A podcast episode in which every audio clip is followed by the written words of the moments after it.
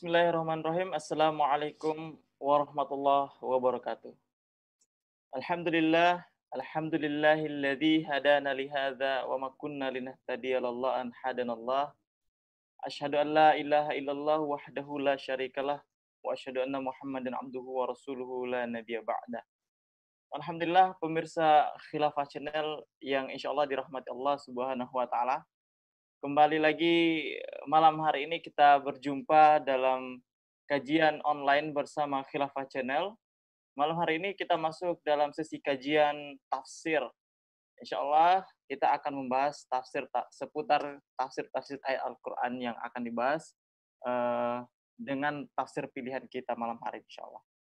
Salam serta salawat tak lupa kita berikan kepada baginda Muhammad Sallallahu Alaihi Wasallam Nabi yang kita cintai, yang insya Allah dengan syafaat itu kita bisa mendapat uh, dengan salam tersebut dan salawat tersebut kita bisa mendapatkan syafaat beliau di yaumil kiamah nanti.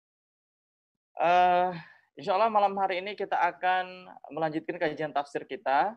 Namun uh, malam hari ini kita tidak melanjutkan kajian surat Al-A'la uh, pekan lalu yang mungkin uh, belum diselesaikan. Kita akan masuk dalam kajian uh, tafsir ayat uh, yaitu surat As-Saffat ayat 102 sampai 107. Ya, seperti biasa pada kajian tafsir kita ditemani oleh guru kita, Kiai kita, yaitu Kiai Haji Rahmat S. Labib. Assalamualaikum Kiai. Waalaikumsalam warahmatullahi wabarakatuh. Ya, gimana kabar Kiai? Alhamdulillah. Uh, Alhamdulillah. Dalam lindungan Allah Subhanahu wa taala. Alhamdulillah. Khairul afiyah. Ya, di sana Kiai gimana kondisinya sudah stabil untuk pandemi ini gimana Kiai? Ya seperti yang kita tahu, pandemi belum berakhir. Uh, cuman yang kita sayangkan justru upaya-upaya untuk uh, apa namanya menanggulangi itu justru berkurang ya. ya Khusus tugas yang khusus menangani itu justru kemudian tidak lagi difokuskan untuk kaitan dengan kesehatan, tetapi justru kepada pemulihan ekonomi. Padahal kita tahu sendiri bahwa kasusnya belum menurun, terus menanjak. Uh, dalam keadaan seperti ini tentu tak ada lain kecuali kita harus semakin mendekatkan diri kepada Allah Subhanahu wa taala untuk meminta kepada perlindungan. Fa'ina tadhabun. Mau ke mana kita lari jika tidak kepada Allah Subhanahu wa taala. Dan tentu terus berbagai macam upaya-upaya lain harus kita upayakan tentu agar Allah SWT secara sunatullah memberikan perlindungan kita atas musibah uh, mewabahnya atau wabah corona ini. Ya, amin. Ya, semoga kita semua bisa dilindungi semoga kita semua dilindungi Allah Subhanahu wa taala dari pandemi virus corona ini insyaallah. Amin. Uh, langsung saja kami persilakan kepada Kiai untuk uh, masuk ke dalam kajian malam hari ini yaitu kajian tafsir surat As-Saffat ayat 102 sampai 107. Kami persilakan Kiai. Assalamualaikum warahmatullahi wabarakatuh. Waalaikumsalam. Alhamdulillahi rabbil alamin. Wassalatu wassalamu ala sayyidina Muhammadin wa ala alihi wa sahbihi man tabi'ahum bi ihsanin ila yaumiddin. Pemirsa yang dirahmati Allah Subhanahu wa taala, alhamdulillah kita bersyukur kepada Allah Subhanahu wa taala karena perlindungan dan limpahan barokahnya kita masih bisa menghidup udara segar dan tentu berbagai macam nikmat lainnya. Maka sepantasnya kita memuji kebesarannya dan bersyukur atas semua nikmatnya. Salawat dan salam semoga Allah limpahkan pada junjungan kita Rasulullah Sallallahu Alaihi Wasallam serta keluarganya, para sahabatnya dan seluruh pengikutnya ila yang kiamah. Saudara-saudara pemirsa yang dimuliakan Allah Subhanahu wa taala, seperti yang tadi disampaikan bahwa kajian kita surah uh, Al-A'la kita uh, selipi sebentar untuk membahas satu uh, topik ya yang dijelaskan dalam beberapa ayat dalam surah As-Saffat ya uh, yang itu berkenaan dengan apa yang uh, sekarang akan kita hadapi. Seperti yang tadi disampaikan insya Allah pada hari Jumat besok ya kita akan uh, menyambut perayaan hari raya Idul Adha dan tentu kita sebagai kaum muslimin harus menyambutnya dengan gembira. Itulah hari raya, itulah hari Idul Adha. Dan biasanya dalam uh, momentum seperti itu kita diingatkan kembali dengan satu uh, peristiwa yang dikisahkan dalam Al-Quran dan itu menjadi iktibar, menjadi ibroh, menjadi pelajaran bagi kita semuanya. Uh, kita akan coba kaji, moga-moga uh, dengan waktu yang uh, sempit ini kita bisa manfaatkan dengan baik. Saudara-saudara yang untuk Allah Subhanahu wa taala, eh, kalau kita lihat ini sebenarnya beberapa ayat sebelumnya, tapi tidak apa-apa. Kita baca sekilas lalu kemudian nanti kita akan bahas satu persatu. Di dalam surah As-Saffat ayat 100 Allah SWT menyampaikan berita tentang permohonan permohonan doa Nabi Ibrahim alaihissalam. Eh, beliau yang usianya sudah tidak lagi muda, beliau sudah sepuh, uh, beliau sangat menginginkan agar diberikan oleh Allah SWT anak. Rabbi habli minas salihin. Ya Allah anugerahkanlah kepadaku anak-anak yang dari anak atau anak-anak yang soleh. Saudara-saudara, inilah permohonan seorang hamba Allah Subhanahu wa taala untuk mendapatkan keturunan, untuk mendapatkan anak. Dan permintaannya sangat sederhana bahwa anak yang dilahirkan itu adalah minas solihin. Dan saya kira ini pula yang harus kita panjatkan uh, sebagai orang tua untuk mendapatkan anak dan keturunan yang minas solihin, Eh, orang-orang soleh ya. Uh, tidak dimintakan yang lain-lain. Permintaannya sangat sederhana. Minas solehin saudara-saudara yang Allah swt setelah uh, beliau memohon kepada Allah swt dengan doa seperti itu Allah kemudian mengabulkannya mengabulkan doa itu. Dengan dijelaskan dalam ayat berikutnya wa basyarnahu biulamin halim. Maka kami kabarkan kepadanya dengan adanya anak yang halim, yang berakhlak mulia, yang sabar. Saudara-saudara yang menurut Allah SWT, di situ digunakan kata fabasyarna, kami kabarkan. Uh, kata uh, al-bisyarah itu maknanya adalah uh, al-akhbaru bi khairin. Jadi uh, kabar yang baik ya. Uh, kabar yang apa namanya memberikan kegembiraan. Itulah uh, bisyarah atau kalau orangnya namanya uh, basyiro ya uh, berbeda atau kebalikan dengan kata indar. Kalau indar itu peringatan ya. Basiro wa nadhiro. Ini disebutkan fabasyarnahu. Kami berikan berita gembira. E, kepada siapa? Hu itu kepada Ibrahim yang berdoa kepada Allah SWT. Tadi bi gulamin halim. Ya. E, dengan anak yang halim. E, digunakan kata fa di situ, fa itu menunjukkan bahwa e, kelahiran anak itu tidak akan lama setelah permohonan doa yang dipanjatkan tadi. Fabasyarnahu biulamin halim. Apa itu halim yang di dalam uh, ayat ini menjadi sifat menjadi sifat bagi anak yang dipanjatkan doa oleh uh, Ibrahim tadi yang akan diberikan yang akan dianugerahkan oleh Allah Subhanahu wa taala kepada Ibrahim. Uh, Ibnu Ashur dalam tafsirnya At-Tahrir wa Tamwir dia mengatakan Al-Halim itu adalah uh, satu nama, uh, satu isim, satu kata benda yang digunakan untuk menunjukkan satu uh, yang berpangkal kepada ar-ra'yu wal makarimil akhlak wal rahmah ya bil makhluk. Nah, inilah yang kemudian di uh, tim apa dinisbatkan kepada anak yang baru lahir. Eh, saudara-saudara yang untuk Allah Subhanahu wa taala, ada satu penjelasan juga yang disampaikan oleh uh, Fakhruddin Ar-Razi di dalam tafsirnya Mafatihul Ghaib beliau mengatakan bahwa uh, doa yang dipanjatkan oleh Nabi Ibrahim ini lalu kemudian dikabulkan dengan anak tadi itu ada beberapa yang di terkandung dalam ayat itu. Yang pertama bahwa uh, anak yang dilahirkan itu adalah laki-laki, gulamun karena gulam itu adalah menunjukkan dakar.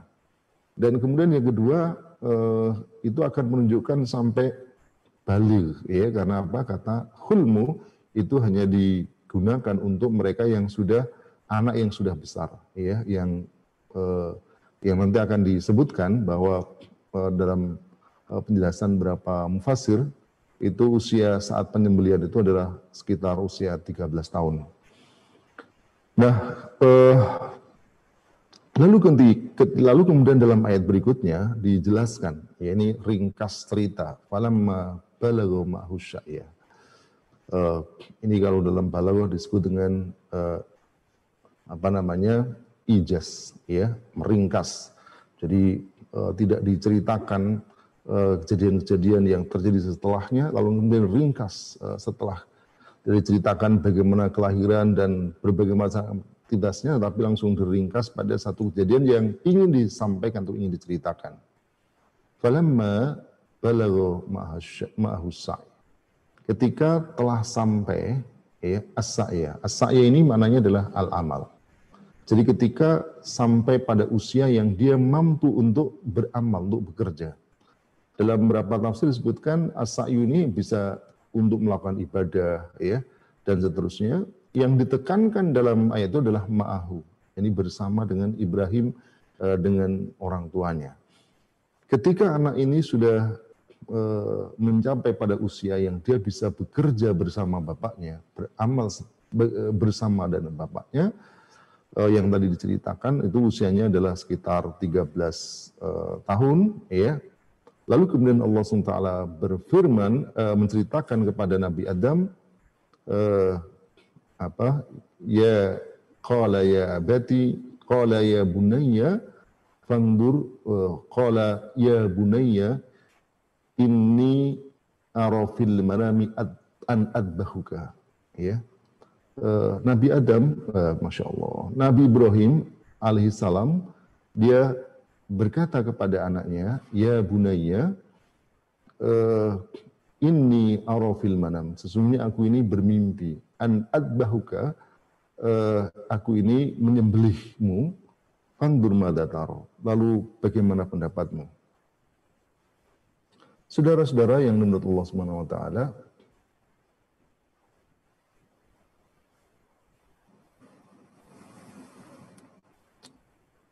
Uh, sebelum saya cerita lebih jauh, di dalam ayat ini tidak diceritakan tentang nama siapa anak yang dikisahkan ini, ya.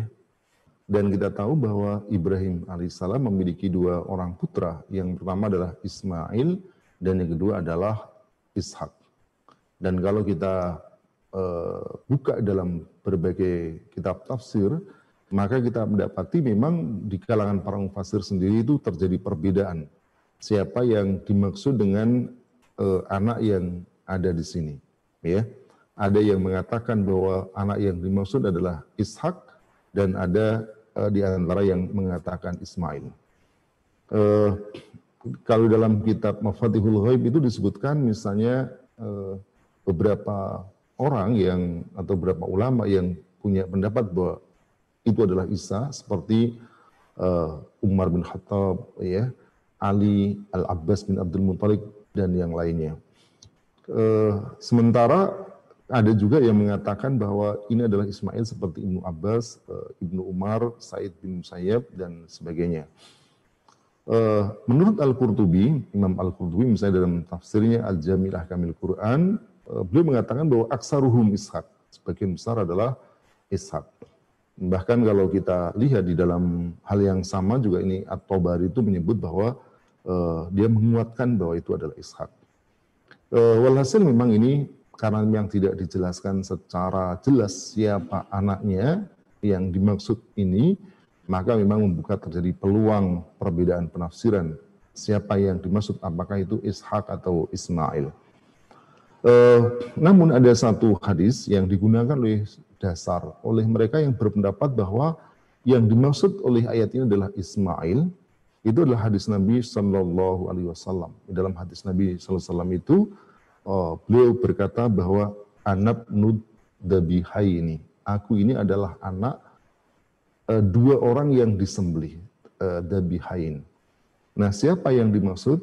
Uh, yang pertama adalah Abdullah bin Abdul Muthalib bapaknya sendiri langsung. Dalam satu kisah diceritakan bahwa pada saat bapak eh, maksud saya kakeknya, yakni Abdul Muthalib ini saat itu ada peristiwa yakni sumur Zam-Zam ini mengalami kekeringan. Lalu kemudian beliau gali dan bernadar. Ya, nadarnya adalah apabila uh, keluar air Zam-Zam itu dia akan mengorbankan salah satu anaknya. Dan ketika diundi, itu ternyata yang keluar adalah Abdullah. Diundi lagi, keluar namanya adalah Abdullah. Diundi lagi yang ketiga, keluar lagi namanya Abdullah. Dan dia tidak menginginkan Abdullah ini uh, dikorbankan. Akhirnya setelah mendapatkan nasihat dari paman-pamannya dan yang lain, akhirnya kemudian tidak jadi disembelih dan kemudian ditebus dengan 100 unta. Itu adalah tabih yang pertama, jadi orang yang disembelih pertama. Lalu kemudian yang kedua adalah tabih yang kedua adalah Ismail alaihissalam yang dalam kisahnya adalah beliau mau disembelih oleh bapaknya atas perintah Allah SWT dan kemudian Allah batalkan perintah itu. Nah inilah kemudian yang menguatkan bahwa uh, orang yang dimaksud di dalam ayat ini adalah Ismail alaihissalam. Sekali lagi ini uh, memang tidak dijelaskan secara uh, sorry siapa mereka, tentu uh, ini tidak mengharuskan adanya satu kepastian. Karena memang apa? Karena memang tidak disebutkan tadi memang membuka peluang terjadi perbedaan. Dan kalau kita buka lagi memang eh, masing-masing uh, punya argumen. Uh, Pemirsa menurut Allah SWT, lalu uh, di dalam ayat ini Allah SWT menceritakan yang penting itu cerita bahwa Nabi Ibrahim alaihissalam ini berkata kepada putranya tadi, Ya bunaya, wahai anakku. Uh, kata bunaya ini, ini adalah merupakan tasgir dari kata uh, ibnun, anak. Dan kemudian bentuk tasgirnya adalah bunai. Dan ketika disebutkan anakku, maka bunaya, anakku. Uh, kata atau bentuk tasgir ini biasanya juga memang memiliki banyak makna ada uh, untuk litahkir, untuk meremehkan, untuk mengecilkan, tetapi juga bisa memiliki makna litahabub, untuk menunjukkan rasa cinta. Dan inilah yang kalau kita lihat di dalam ayat ini digunakan kata ya bunaya, wahai anakku. Kata ini digunakan untuk memberikan makna tahabub, rasa cinta, rasa kasih sayang orang tua kepada anaknya. Pelajaran penting yang bisa kita ambil adalah bagaimana orang tua ini juga memanggil anaknya yang panggilan itu adalah menunjukkan ekspresi kecintaan, ekspresi kasih sayang dari orang tua kepada anaknya. Dan kalau kita lihat dalam Al-Quran, itu ada banyak ayat yang menggunakan uh, kata ya bunaya itu uh, kepada anak-anaknya. Ya, misalnya contoh seperti uh, apa Yakub ya dia berpesan wassabiya Ibrahimu banihi wa Yaqubu. Ya sebentar bukan ya. Uh, seperti perintah uh, sebentar ini seperti yang disampaikan oleh uh, Nabi Yakub ya kepada anaknya maksud saya. Ketika uh, uh, kepada Yusuf alaihissalam ketika Yusuf menceritakan tentang bahwa dia bermimpi ada bulan bintang, bulan matahari, bulan dan sebelas bintang bersujud kepadanya, beliau mengatakan ya bunayya la taksus ru'yaka. Jadi wahai anakku jangan kamu ceritakan mimpi itu ya. Ala ikhwatika kepada saudara kamu. Nah, ini e, menggunakan kata ya bunayya. Demikian juga misalnya e, Luqman alaihi salam e, Luqman di dalam surah Luqman itu juga diceritakan ketika dia memberikan nasihat pada anaknya Wa idh qala Luqmanu libnihi wa huwa ya'iduh ya bunayya la tusyrik billah. Dan ada tiga ayat berikutnya semua dengan menggunakan kata ya bunayya. Itu semua adalah menunjukkan tasghir dalam ayat ini adalah litahabub untuk menunjukkan rasa cinta, rasa kasih sayang. Lalu setelah beliau mengatakan begitu, eh, eh, Ibrahim mengatakan inni ara fil manami an adbahuka. Sesungguhnya aku telah melihat dalam mimpiku bahwa aku telah menyembelih kamu. Saudara-saudara yang Allah Subhanahu wa taala, di situ arafil manam, maknanya adalah mimpi. Dan sebagaimana dijelaskan oleh para ulama bahwa ru'yan nabi, nabi jadi ru'yal anbiya itu adalah wahyun. uh, mimpinya para nabi itu adalah wahyu. Nah dalam konteks ayat ini kata uh, ini uh, arafil manami anni adbahuka. Sesungguhnya aku uh, menyembelih kamu. Ini ada satu kata yang dihilangkan yakni ini arafil manami ma yujibu an adbahakala ya jadi aku mimpi yang dalam mimpi itu mewajibkan ke, untuk uh, mewajibkan agar aku menyembelihmu gitu. Uh, yang intinya bahwa beliau menyampaikan kepada putranya ya kalau kita pilih uh, pendapat katakanlah Ismail di sini maka menyampaikan kepada Ismail untuk apa? Untuk uh, bahwa beliau diperintahkan untuk menyembelih anaknya itu ya. Uh, Lalu kemudian beliau bertanya kepada anaknya, "Fangdur mada taro?" Lalu perhatikan ya eh, bagaimana pendapatmu. Kata an-nador di sini maknanya adalah an-nador bil akal, jadi bukan bil ain. Jadi eh, maknanya adalah eh, bukan melihat, memperhatikan dengan mata, tapi mempertimbangkan dengan akalnya. Itulah kata fangdur mada taro. Saudara-saudara yang menurut Allah Subhanahu wa taala, lalu apa gunanya beliau bertanya demikian kepada anaknya? Yang pertama harus dipahami begini, ini ini adalah perintah ya kepada kepada Ibrahim alaihissalam untuk menyembelih putranya.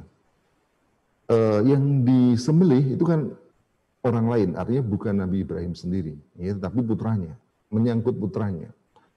Ya, ada kemungkinan, ya, ada kemungkinan pihak yang diminta untuk disembelih itu tidak mau, ya, menolak untuk disembelih. Ada kemungkinan seperti itu, ya. Nah, eh, sebab apa? Sebab misalnya ada, eh, misalnya ini contoh ya, Nabi Nuh alaihissalam. Beliau menyerukan kepada anaknya, wanada Nuhun, wanada Nuhun ibnahu, ya. Eh, wa kana fi ma'zilin ya bunayya ya bunayyarkam ma'ana wa la takum ma'al kafirin.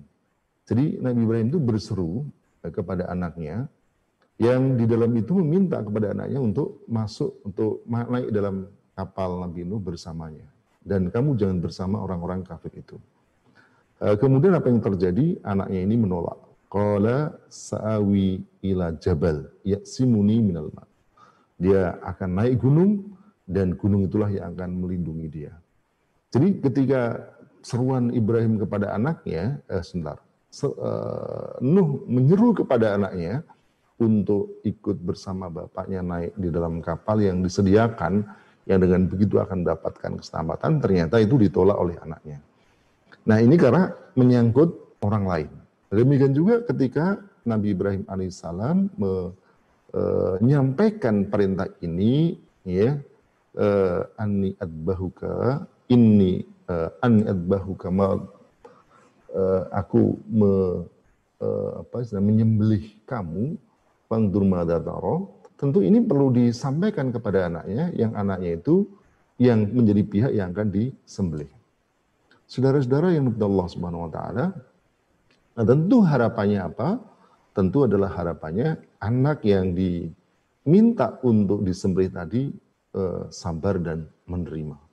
Kalau misalnya di sana ada ketidaksabaran atau tidak mau menerima, maka akan dilakukan penguatan di, eh, agar mau menerima dengan rela, dengan ridho, dengan sabar perintah tersebut. Eh, itu seperti itu. Tetapi kalau kita lihat jawaban yang disampaikan oleh uh, putranya ini sungguh sangat mengagumkan. Uh, tidak menolak sama sekali, bahkan kemudian dengan jelas mengatakan qala ya abatif al ma tu'mar. Dia berkata, wahai bapakku, ya, if'al ma tu'mar. Kerjakan apa yang diperintahkan kepadamu. Saudara-saudara yang Allah SWT, ini menarik jawaban ini. Ya, Disebutkan ya abatif al ma tu'mar. Ya wahai bapakku kerjakan apa yang diperintahkan kepadamu. E, tidak dikatakan e, apa istilahnya ya berarti adbihni ya e, wahai bapakku sembelilah aku gitu tidak. Tetapi yang menjadi pokoknya adalah kerjakan. Matukmar e, ini menunjukkan bahwa e, anak tersebut itu memiliki keteguhan bahwa dia siap untuk menerima apa pun yang diperintahkan oleh Allah SWT kepada bapaknya. Kalau Allah merintahkan engkau menyembelih aku sembelih. Nah, begitu. Tetapi yang menjadi pokok adalah matukmar, apa yang diperintahkan kepadamu. Dan ini sesuatu yang tadi saya kira menjadi sangat penting. Eh, apa seseorang melakukan sesuatu itu adalah karena Allah perintahkan, ya, eh, bukan karena keinginan bapaknya atau keinginan hawa nafsunya. Saudara-saudara menurut Allah Subhanahu wa taala, ini saya kira sesuatu yang penting untuk ditanamkan kepada diri kita, kepada anak-anak kita dan kepada kaum muslimin semua bahwa mereka siap untuk menerima ma tu'mar apa pun yang diperintahkan oleh Allah Subhanahu wa taala. Eh, Allah perintahkan sholat, kerjakan sholat. Allah perintahkan puasa, kerjakan puasa. Allah perintahkan sabar, Allah lakukan. Eh, dia lakukan. Allah perintahkan berjihad dikerjakan. Jadi ini adalah satu pendirian yang luar biasa. Qala ya batif'al ma tu'mar. Dan kemudian kalimat berikutnya tidak kalah mengagumkan, beliau katakan satajiduni insyaallahu minas sabirin. Engkau akan dapati diriku ya. Insya Allah jika Allah menghendaki minas sabirin termasuk orang yang sabar. Saudara-saudara yang Allah SWT, eh, di sini di, dalam kata, dalam kalimat diselipkan pendirian eh, masyiatullah. Jadi kehendak Allah Subhanahu wa taala. Eh, yakni insya Allah. Ini juga saya kira menjadi satu pelajaran yang sangat penting bahwa kita sebagai manusia itu selalu harus menggantungkan kepada masyiatullah, kehendak Allah Subhanahu wa taala. Kita mengerjakan sesuatu karena kehendak Allah Subhanahu wa taala. Dan itulah yang diajarkan oleh Allah Subhanahu wa taala kepada nabinya dan itu juga menjadi uh, pelajaran yang harus diambil oleh umatnya. Di dalam surah Al-Kahfi ayat 23 24 Allah SWT berfirman wala takulanna li inni fa'ilun dalika gadan illa ayyasha Allah. Jadi di dalam ayat itu disebutkan jangan kamu katakan sesuatu uh, ses, jangan katakan sesuatu inni kepada sesuatu inni fa'ilun dalika gadan. Saya akan kerjakan ini besok. Ya. Saya akan kerjakan ini besok. Lalu kemudian disebutkan illa ayyasha Allah. Kecuali mengatakan dengan izin Allah Subhanahu wa taala. Uh, ini juga menjadi pelajaran penting. Banyak orang yang mengucapkan insya Allah ini kadang-kadang salah tempat. Ya. Uh, jadi kadang pernah saya itu di uh, saya tanya kepada seseorang ditanya mau kapan ke sini? Uh, malam ini saya akan ke sana insya Allah. Begitu saya datang apa jawab? Dia katakan apa? Lu kok ke sini? Iya kan saya mau ke sini. Lu katanya insya Allah. Jadi seolah-olah ketika dikatakan insya Allah itu artinya uh, apa namanya tidak tidak uh, tidak serius ya. Tidak. Justru ketika orang mengatakan insya Allah itu dia akan datang akan kerjakan tetapi tetap digantungkan dengan Allah Subhanahu Wa Taala. Kita bisa datang kita bisa mengerjakan hanya karena uh, izin Allah Subhanahu Wa Taala. Kesadaran penting dan ini segala sesuatu harus di uh, harus disertakan kehendak Allah Subhanahu Wa Taala dan itu termasuk kalau mengucapkan kalimat itu merupakan ada tabaruk di situ, meminta barokah dengan kata insya Allah. Bahkan dalam e, berikutnya disebutkan wa kurrabbaka idza nasita. yakni dan sebutkan ya ingatlah Tuhanmu idza nasit ketika kamu e, lupa. E, kata Ibnu Katsir rahimahullah ketika menjelaskan makna wadkur rabbaka ida nasit ya dan ingatlah Tuhanmu ketika kami lupa maknanya adalah ida nasita al istisna jika kamu lupa mengucapkan istisna, mengucapkan kalimat insya Allah pastasni, maka ucapkanlah kata insya Allah itu. Ingda dikrikalah ketika kamu ingatnya. Jadi kalau misalnya kita berjanji akan melakukan sesuatu, kapan e, dilakukan?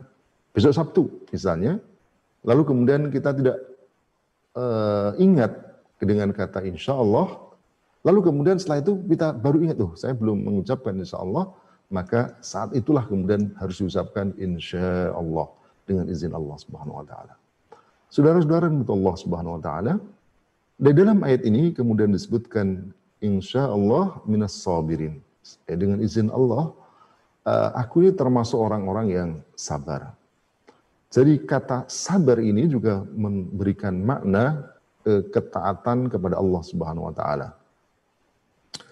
Uh, Ar-Raghib Al-Asfahani dalam kitabnya Al-Mufradat fi Gharibil Quran beliau menjelaskan tentang makna as-sabr. Ya, beliau katakan as-sabr itu adalah al-imsak fi dayyik. Jadi menahan sesuatu dalam kesempitan. Uh, sober itu juga uh, bimakna habdun uh, habsun nafsi ya menahan jiwa ya. Uh, jadi jiwa itu sebenarnya sesak ya berat lalu kemudian ditahan ya. Nah menahan jiwa menahan rasa ya sehingga dia kuat untuk mengerjakan itu bisa uh, ala mayak hil aklu wasyara'u. Bisa di uh, uh, dia menahan itu disebabkan karena sesuatu yang disebabkan oleh akal boleh juga oleh syarak. Ya. Uh, sebagai contoh misalnya ketika Allah SWT memerintahkan kita untuk puasa, ya apalagi dalam musim kemarau atau kalau di uh, negara lain itu musim panas, ya yang waktu uh, siangnya itu sangat panjang, di situ kita lelah, uh, lapar dan yang mungkin sangat uh, berat adalah haus ya. Itu adalah hab, uh, habsun nafs itu kita menjaga jiwa kita. Untuk apa? Untuk tidak makan, untuk tidak minum dan yang lain. Nah, dan itu dikerjakan apa? Um, ala tadi syar'u itu diharuskan oleh syarak. Mengapa kita menahan diri untuk seperti itu? Karena syarat memerintahkan. Lah itulah as-sabr. Oleh karena itu, jelas para ulama menjelaskan di dalam uh, konteks Islam, as-sabr itu adalah ada tiga. Salasa, as-sabru salasa. Yang pertama adalah uh, fasobrun, fasobrun adal maksiyah. Sabar atas uh, sendar. Fasobrun adal musibah. Jadi yang pertama adalah sabar terhadap musibah yang menimpa kita. Nah, musibah ini secara jiwa itu memang tidak disukai, ya. Ada banjir bandang, rumah roboh, gempa, kecurian, kehilangan harta, kematian orang yang dicintai. Itu sesuatu musibah dan orang tidak uh, dalam kondisi tidak senang mendapatkannya. Nah, as dia tetap teguh, dia tetap kuat, dia tidak hmm, protes kepada keputusan Allah Subhanahu wa taala atas musibah yang menimpa dirinya itulah as-sabr ya wasabrun alal musibah kemudian wasabrun ala ta'ah jadi sabar atas ketaatan ya jadi artinya Allah SWT perintahkan berbagai macam ibadah tadi dia kerjakan meski mungkin berat Allah perintahkan jihad ia kerjakan sekalipun berat Allah perintahkan dakwah ia kerjakan sekalipun berat dan seterusnya. Itu adalah wasabrun uh, wasabrun ala ta'ah.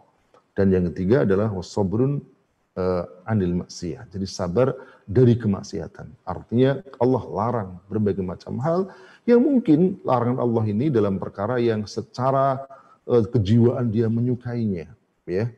Uh, saya suka melakukan itu. Ya, orang yang punya uang ditaruh di tempat riba, dia tidak perlu bekerja, bertambah setiap bulan itu suka manusia ya dia tinggalkan ya ia bekerja di tempat yang haram tadi pada saat yang sama. Dia sudah apa namanya eh, kredit ini kredit, dan itu tentu akan berat kalau dia harus keluar dalam waktu yang segera. Nah ketika dia kemudian tinggalkan kemaksiatan itu tentu suatu yang berat. Nah ke, semuanya itu ketika dia uh, teguh kokoh maka itulah sabar. Nah kalau kita lihat di dalam konteks ayat ini, satajiduni insyaallahu minas sabirin.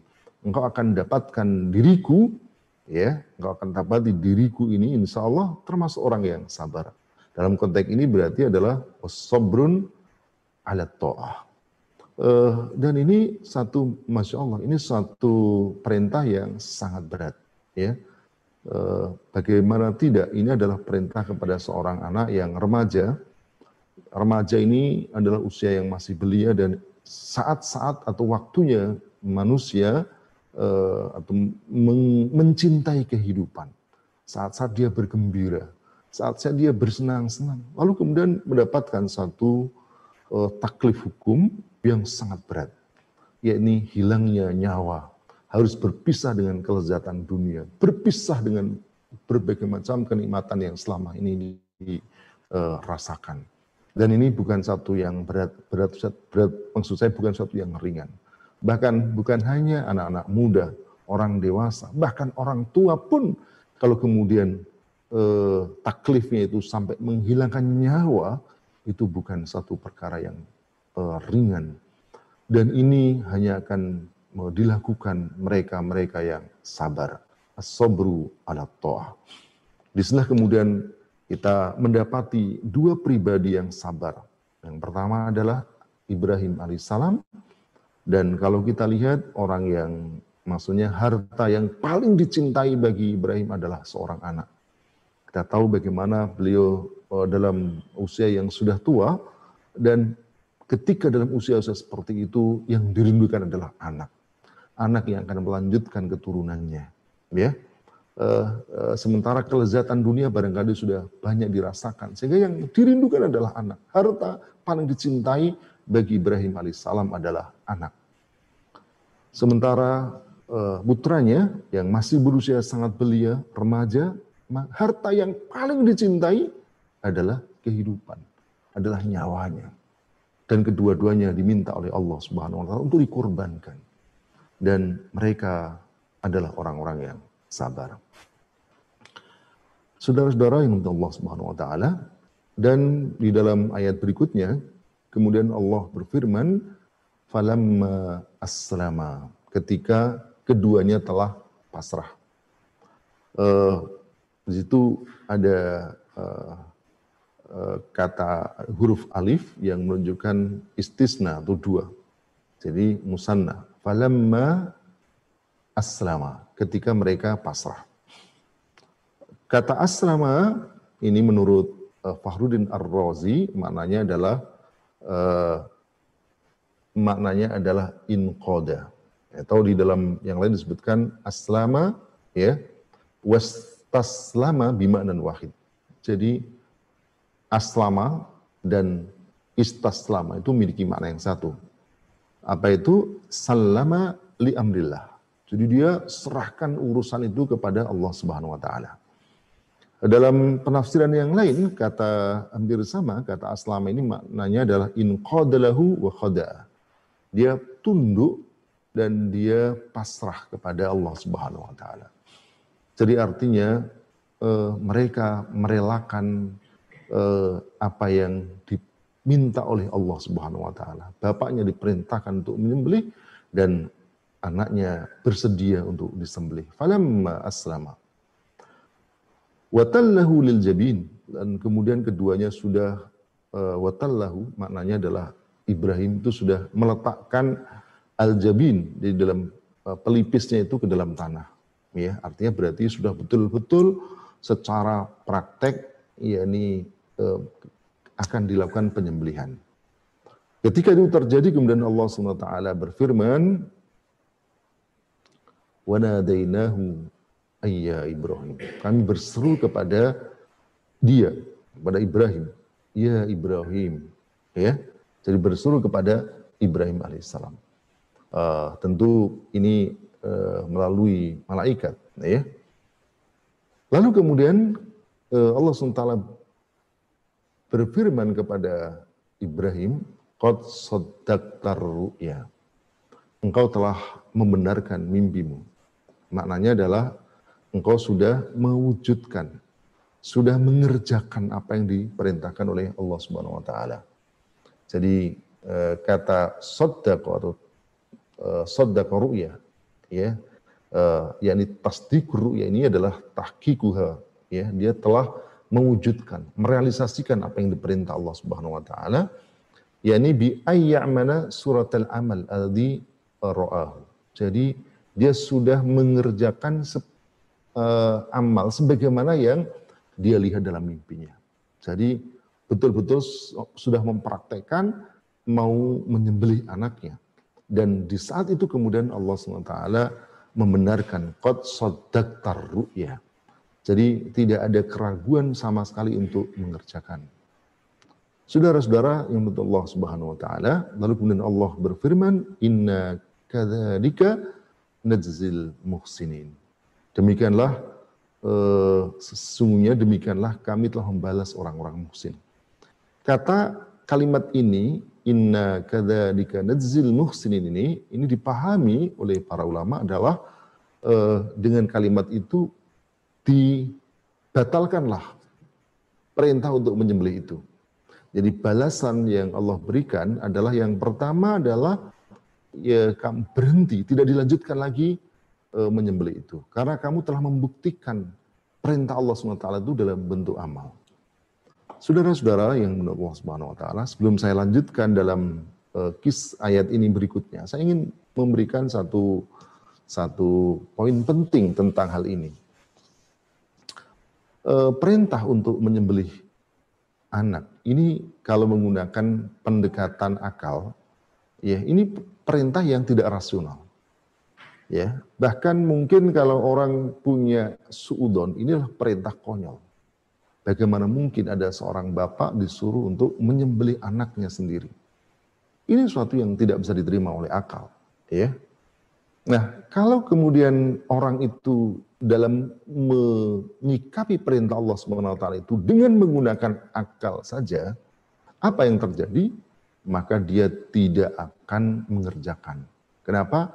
Karena untuk karena menganggap bahwa perintah ini tidak masuk akal. Ya. Demikian juga kalau orang menggunakan pendekatan apa yang disebut sebagai maslahat. Ya. Di mana kemaslahatannya? Mana?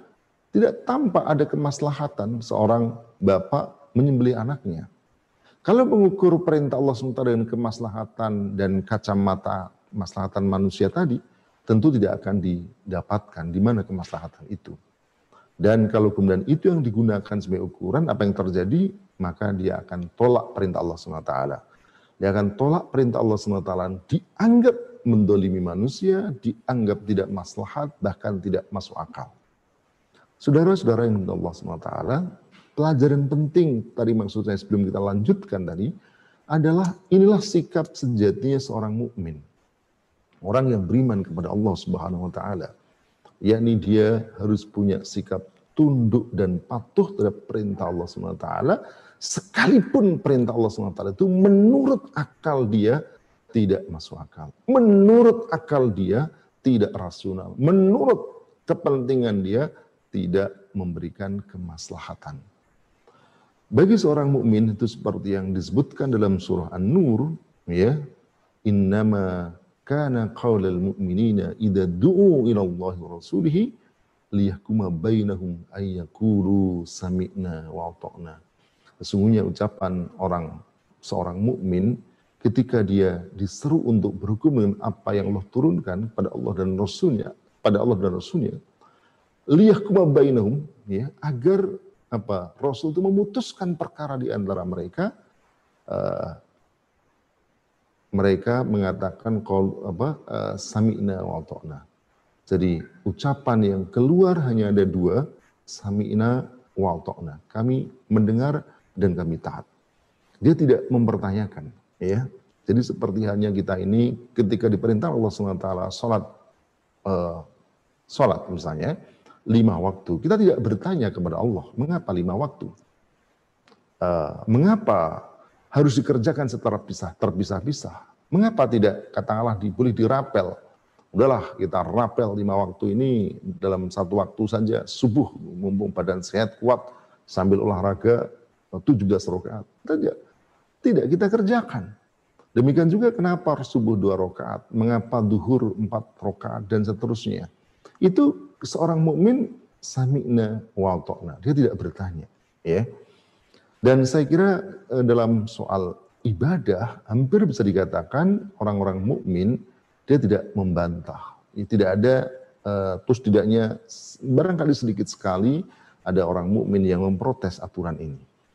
Dan semestinya khawani fillah, para pemirsa yang dimut Allah SWT, sikap itu pula yang seharusnya dimiliki oleh setiap mukmin terhadap perintah Allah SWT dalam hal lainnya. Ketika dia dalam sholat, dalam puasa, dalam haji, dia tunduk dan patuh dengan perintah Allah SWT tanpa bertanya, tanpa mempertanyakan, maka semestinya juga dia apa?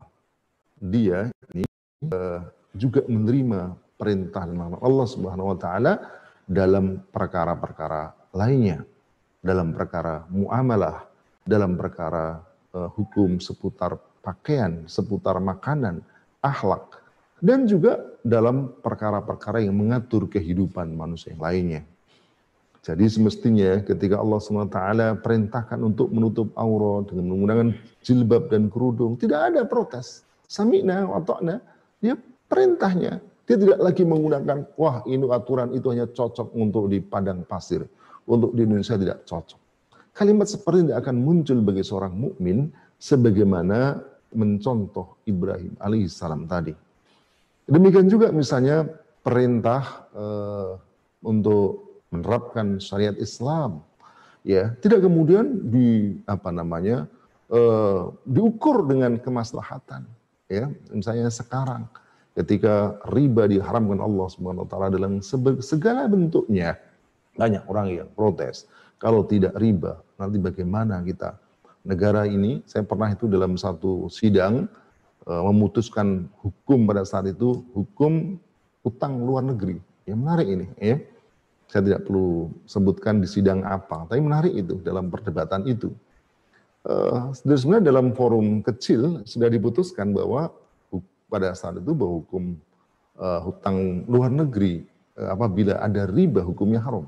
Lalu kemudian setelah itu dibawa ke forum yang lebih besar, forum pleno. Lalu kemudian ada salah seorang dari uh, apa namanya pemuka dari situ mengatakan bahwa ini harus diberi kecuali kecuali darurat. Ya, darurat.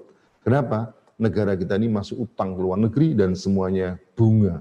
Kalau kita akan haram nanti bagaimana Eh, kelangsungan pembangunan dan seterusnya. Bagi seorang mukmin ketika Allah SWT katakan haram, maka dia berhenti tanpa lagi mencari-cari alasan. Sebagaimana juga ketika Allah SWT haramkan untuk memilih pemimpin kafir, maka tidak kemudian dicari berbagai macam alasan. Dalam sebuah wawancara saya pernah ditanya juga saat itu tentang saya sampaikan haramnya seorang pemimpin kafir, ada yang bertanya, bukankah si Anu ini hebat, dia pembangunan lancar, dan seterusnya, dan seterusnya. Saya bilang seorang mukmin itu ketika Allah SWT haramkan, tidak kemudian dicari-cari sisi kemaslahatan. Sebagaimana ketika Allah haramkan babi, maka tidak kemudian mencari aspek-aspek kemaslahatan yang kemudian tujuannya membantah perintah Allah Subhanahu wa taala. Demikian juga penegakan syariat, penegakan khilafah. Itu adalah sesuatu yang diperintahkan Allah taala yang semestinya bagi seorang mukmin menerimanya. Dan inilah saya kira satu pelajaran penting yang kita ambil dari sikap Ibrahim alaihissalam serta putranya, yakni sikap tunduk dan patuh dengan perintah Allah SWT, apa pun perintahnya, bahkan sekalipun itu uh, sangat berat bagi dirinya. Dan terakhir saya ingin potong saja uh, uh, penjelasan saya karena waktunya ternyata sudah sangat mepet. Uh, singkat kata kemudian ayat berikutnya menyebutkan bahwa uh, inna hadalah wal bala'ul mubin adalah ujian yang nyata uh, dan uh, ujian nyata adalah perintah Allah tadi. Lalu kemudian Allah kemudian berfirman apa? Wa fadainahu alim. Dan kami apa namanya? Kami tebus dia dengan sembilan yang besar. Uh, saya ingin begini, saya tegaskan. Jadi perintah Allah ini tidak mungkin mendolimi hambanya. Dan sebenarnya ketika Allah SWT perintah untuk menyembelih, maka Allah kemudian setelah eh, keduanya aslama, tunduk, dan bahkan diwujudkan dalam bentuk untuk menyembelihnya, Allah kemudian batalkan hukum itu. Karena sebenarnya yang ingin dilihat Allah SWT adalah ketaatan. Sampai di mana ketaatan manusia. Ketika Allah SWT perintahkan manusia untuk berjihad misalnya, bukan berarti Allah tidak mampu untuk menghancurkan orang-orang kafir dan musuh-musuhnya. Tetapi Allah hanya ingin tahu siapa di antara mereka yang menggunakan tangan dan kakinya untuk berjuang dan berjihad. Ketika Allah SWT perintahkan untuk zakat, untuk bersodakoh, bukan berarti Allah tidak bisa memberikan kekayaan mengayakan orang-orang yang miskin, tetapi hanya Allah hanya ingin tahu siapa yang mau menggunakan hartanya untuk uh, kebaikan. Demikian juga ketika Allah SWT perintahkan kepada uh, Ibrahim dan anaknya untuk menyembelih putranya, sebenarnya yang di Allah inginkan adalah ketundukan dan kepasrahan. Begitu sudah tunduk patuh maka dibatalkanlah perintah itu. Bahkan bukan hanya dibatalkan tapi kemudian wafadainahu bidibhin azim dan kami ganti dia, kami tebus dia dengan sembelian yang besar. Itulah sebenarnya buah ketaatan kepada syariah. Jadi saya ingin eh, saya ingin simpulkan ketaatan pada syariah itu begini. Eh, secara faktual bahwa dia akan mungkin dia berat, tetapi harus juga diyakini. Sebentar ini, meski mungkin itu merugikan dirinya, tetapi Allah SWT mengingatkan kepada kita, ketaatan itu akan berbuah, berbuah kebaikan, berbuah balasan kebaikan. Dan mestinya dua dorongan inilah yang membuat kita menjadi semakin kokoh, semakin kuat untuk taat kepada Allah Subhanahu wa taala. Ketaatan akan diberikan pahala dan pada saat yang sama bahkan Allah tebus seperti yang terjadi pada Ibrahim ini diberikan tebusan yang besar berupa kibas, berupa kambing, yang dalam sebuah ayat disebutkan datang dari surga. Yang kemudian dengan begitu dia mendapatkan kenikmatan yang luar biasa. Dan saya kira itulah pelajaran penting yang harus kita ambil sebagai seorang mukmin, sebagai hamba Allah SWT, tunduk dan patuh kepada semua syariahnya tanpa terkecuali, dan itu akan berbuah kebaikan. Saya kira itu yang dapat saya sampaikan dari eh, beberapa eh, yang kita bahas pada malam ini dan barangkali juga masih ada waktu untuk bisa ditanyakan barangkali kalau ada hal-hal yang masih diperlukan penjelasan. Iya, alhamdulillah uh, itulah tadi penjelasan uh, singkat uh, terkait dengan surat As-Soffat ayat 102 sampai 107 uh, yang menjelaskan terkait bagaimana perintah Kurban. jelas ya? uh, perintah kurban yang disampaikan yang difirmankan oleh Allah Subhanahu wa taala kepada Nabi Ibrahim dan uh, anak beliau. Uh, selanjutnya bagi pemirsa yang memiliki uh, pertanyaan silakan dituliskan di kolom uh, live chat. Insya Allah jika masih ada waktu, insya Allah kami akan bacakan pertanyaan uh, tersebut. Uh, sebelum uh, karena belum ada yang masuk pertanyaan ini Kiai, kita akan saya juga ingin memberikan pertanyaan kepada Kiai mengenai uh, penjelasan terkait dengan uh, seruan Allah Subhanahu wa taala kepada Nabi Ibrahim alaihissalam untuk menyembelih anaknya. Apakah uh, seruan serupa itu kita bisa setarakan misalnya dengan seruan-seruan Allah kepada uh, rasulnya yang lain begitu Kiai dan itu juga berlaku untuk umat misalnya apakah seruan korban yang diperintahkan uh, kepada Nabi Ibrahim alaihissalam itu itu sama posisinya dengan seruan kepada umat manusia yang saat ini juga uh, melalui nabi nabinya yaitu Rasulullah SAW gitu seperti syariat-syariat yang diperintahkan itu. Uh, sebenarnya yang diambil dari sikap uh, Nabi Ibrahim alaihissalam serta putranya adalah pelajaran ketaatan dan ketundukan kepada hukum dan perintah Allah Subhanahu wa taala. Uh, bukan dari aspek hukum ya uh, perintah dan larangannya. Jadi itu sudah perkara al-hukmu syar'i, hukum syara. Dalam perkara hukum syara seperti dalam surah Al-Maidah disebutkan walikullin ja'alna minkum syir'ata wa minhaja. Masing-masing eh, kalian jadi masing-masing um rasul itu diberikan syir'ah wa minhaj syariat dan jalan terang. Dalam hal ini yakni eh, dalam perkara hukum. Dan dalam perkara hukum memang bisa jadi perbeda antara hukum yang ditetapkan oleh Allah SWT kepada satu umat berbeda dengan uh, hukum yang lain.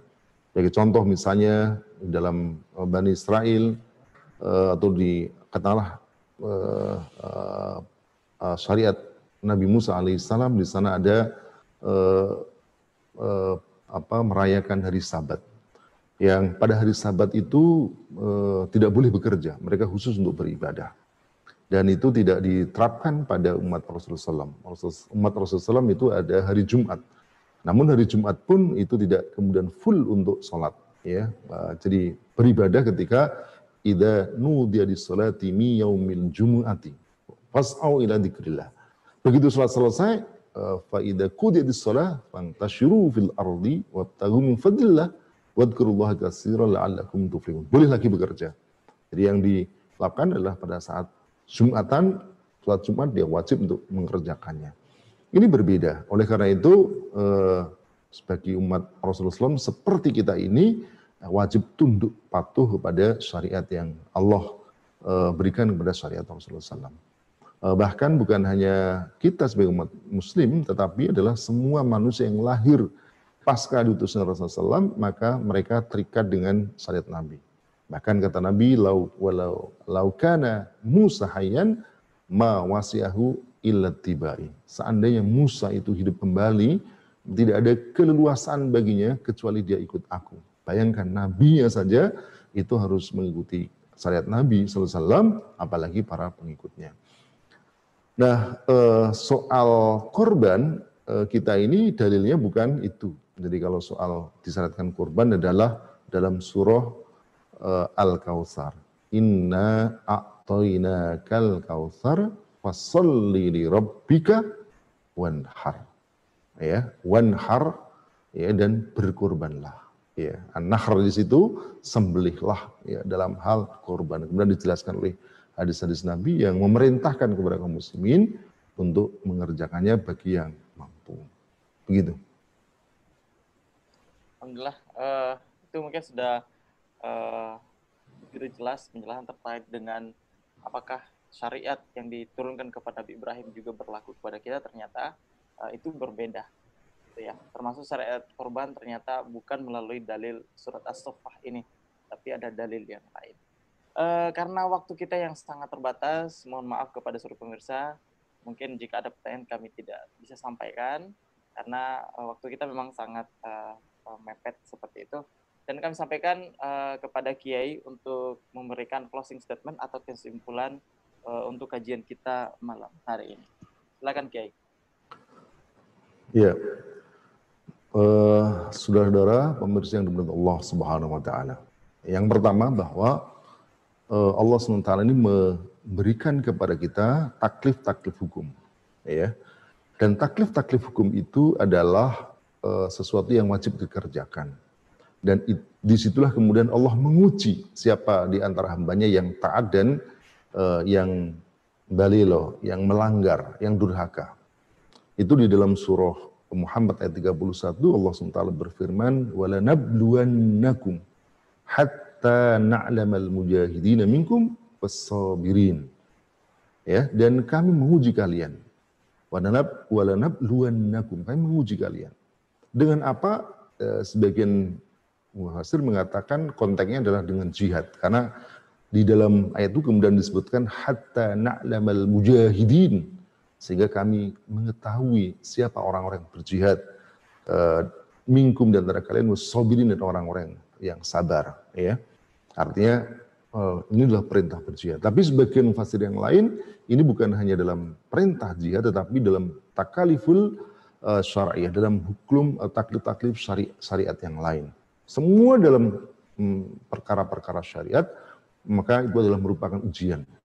Seperti yang tadi diceritakan adalah ketika Allah SWT perintahkan kepada kita untuk berjihad, maka bukan berarti Allah SWT tidak mampu untuk menghancurkan, membinasakan orang-orang kafir. bagi Allah SWT itu wadhalika Allah yasir bagi Allah itu sangat mudah untuk menghancurkan mereka. Tetapi mengapa ada perintah begitu? Karena Allah ingin tahu siapa di antara hambanya yang mau berjihad. Yang ketika mereka berjihad, maka Allah Subhanahu wa taala akan berikan pahala atas itu. Jadi seperti juga misalnya Allah menjanjikan akan memberikan kekuasaan ini kepada kaum muslimin. Uh, kalau yang digambarkan uh, oleh Nabi SAW itu bahwa akan ada uh, uh, akan kembali ya uh, satakunu akan uh, summa takunu khilafah ala minhajin nubuwah itu akan kembali. Uh, bagi Allah untuk mengembalikan tentu sangat mudah ya kun fayakun.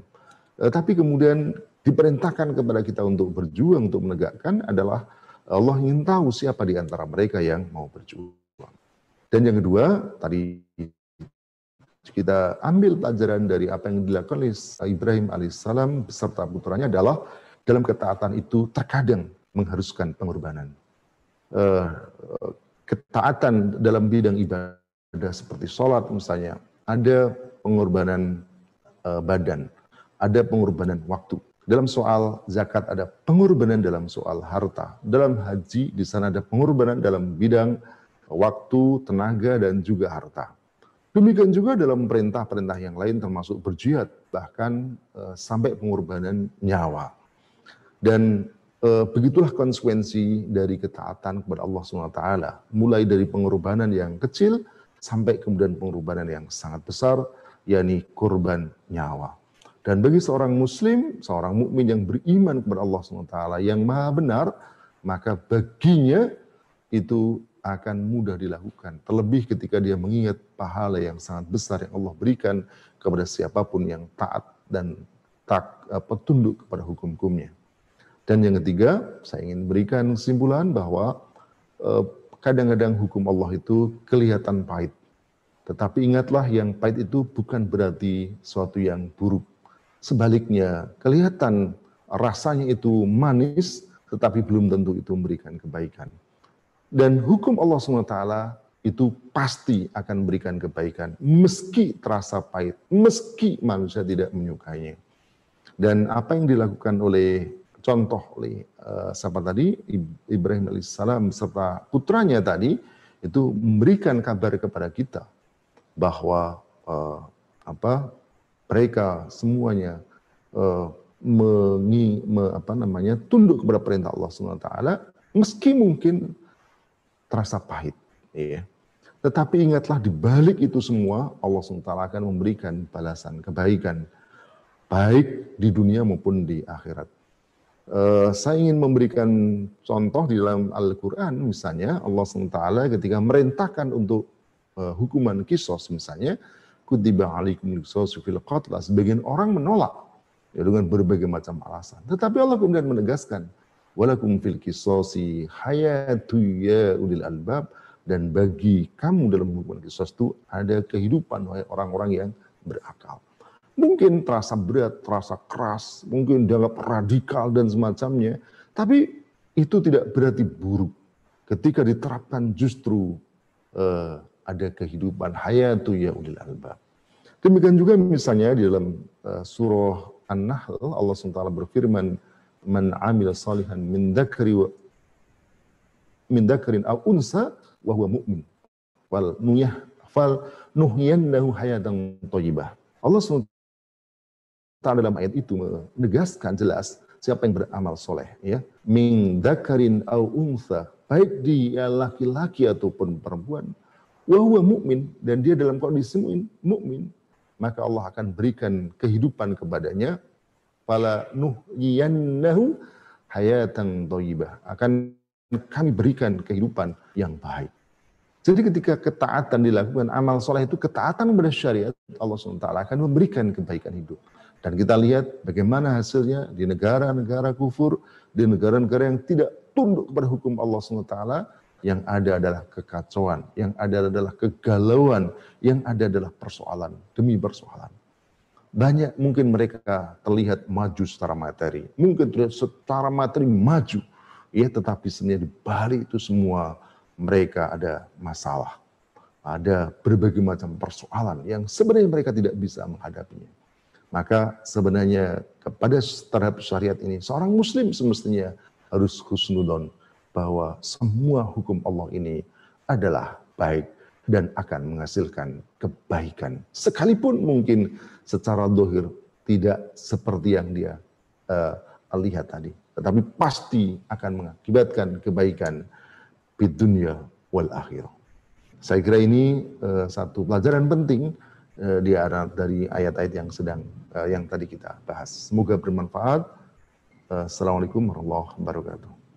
Waalaikumsalam warahmatullahi wabarakatuh. Alhamdulillah, itulah kesimpulan yang bisa kita tarik. Salah satu yang paling penting adalah dari seluruh dari semua syariat yang Allah turunkan kepada manusia, tidak satupun syariat yang Allah turunkan itu membawa keburukan, tetapi seluruh syariat tersebut pasti akan membawa kebaikan untuk kita di dunia maupun di akhirat kelak. Amin. Alhamdulillah dengan berakhirnya closing statement kesimpulan yang disampaikan oleh Kiai Haji Rahmat S. Labib, maka kajian tafsir kita malam hari ini juga berakhir. Insya Allah kita akan lanjutkan pada pekan depan di uh, malam Ahad pukul 20.00 waktu Indonesia Barat. Kami perlu sampaikan bahwasanya Khilafah, uh, News Khilafah Channel memiliki program baru yaitu kabar malam dan akan tayang setiap malam pukul 19.30 waktu Indonesia Barat. Kami ucapkan jazakallah khair kepada Kiai Haji Rahmat S. Labib malam hari ini telah, malam hari ini telah menyempatkan uh, lagi waktunya untuk berbagi terkait dengan tafsir-tafsir yang ada di dalam Al-Quran. Kami juga ucapkan terima kasih kepada seluruh pemirsa yang setia menemani Khilafah Channel. Dan jangan lupa like, comment, share, dan subscribe channel ini. Juga News Khilafah Channel karena ada program baru yang insya Allah akan memberikan berita-berita uh, aktual terkait dengan kondisi terkini di Indonesia. Kami ucapkan walafiminkum wassalamualaikum warahmatullahi wabarakatuh. Waalaikumsalam warahmatullahi wabarakatuh. Menuntut ilmu agama adalah wajib bagi setiap muslim. Di zaman ini, kita dapat melakukannya kapan pun dan di mana pun. Meski masa pandemi sedang berlangsung, tetapi tak ada alasan untuk tidak menambah kapasitas diri dengan sakofah Islam. Khilafah Channel memfasilitasi Anda berjumpa dengan para guru yang mumpuni dalam rangka berbagi ilmu dan sakofa Islam agar Anda makin paham tentang syariat Islam dan terhindar dari gagal paham serta salah paham. Ikuti kajian online kami setiap hari pukul 20.00 waktu Indonesia Barat hanya di Khilafah Channel.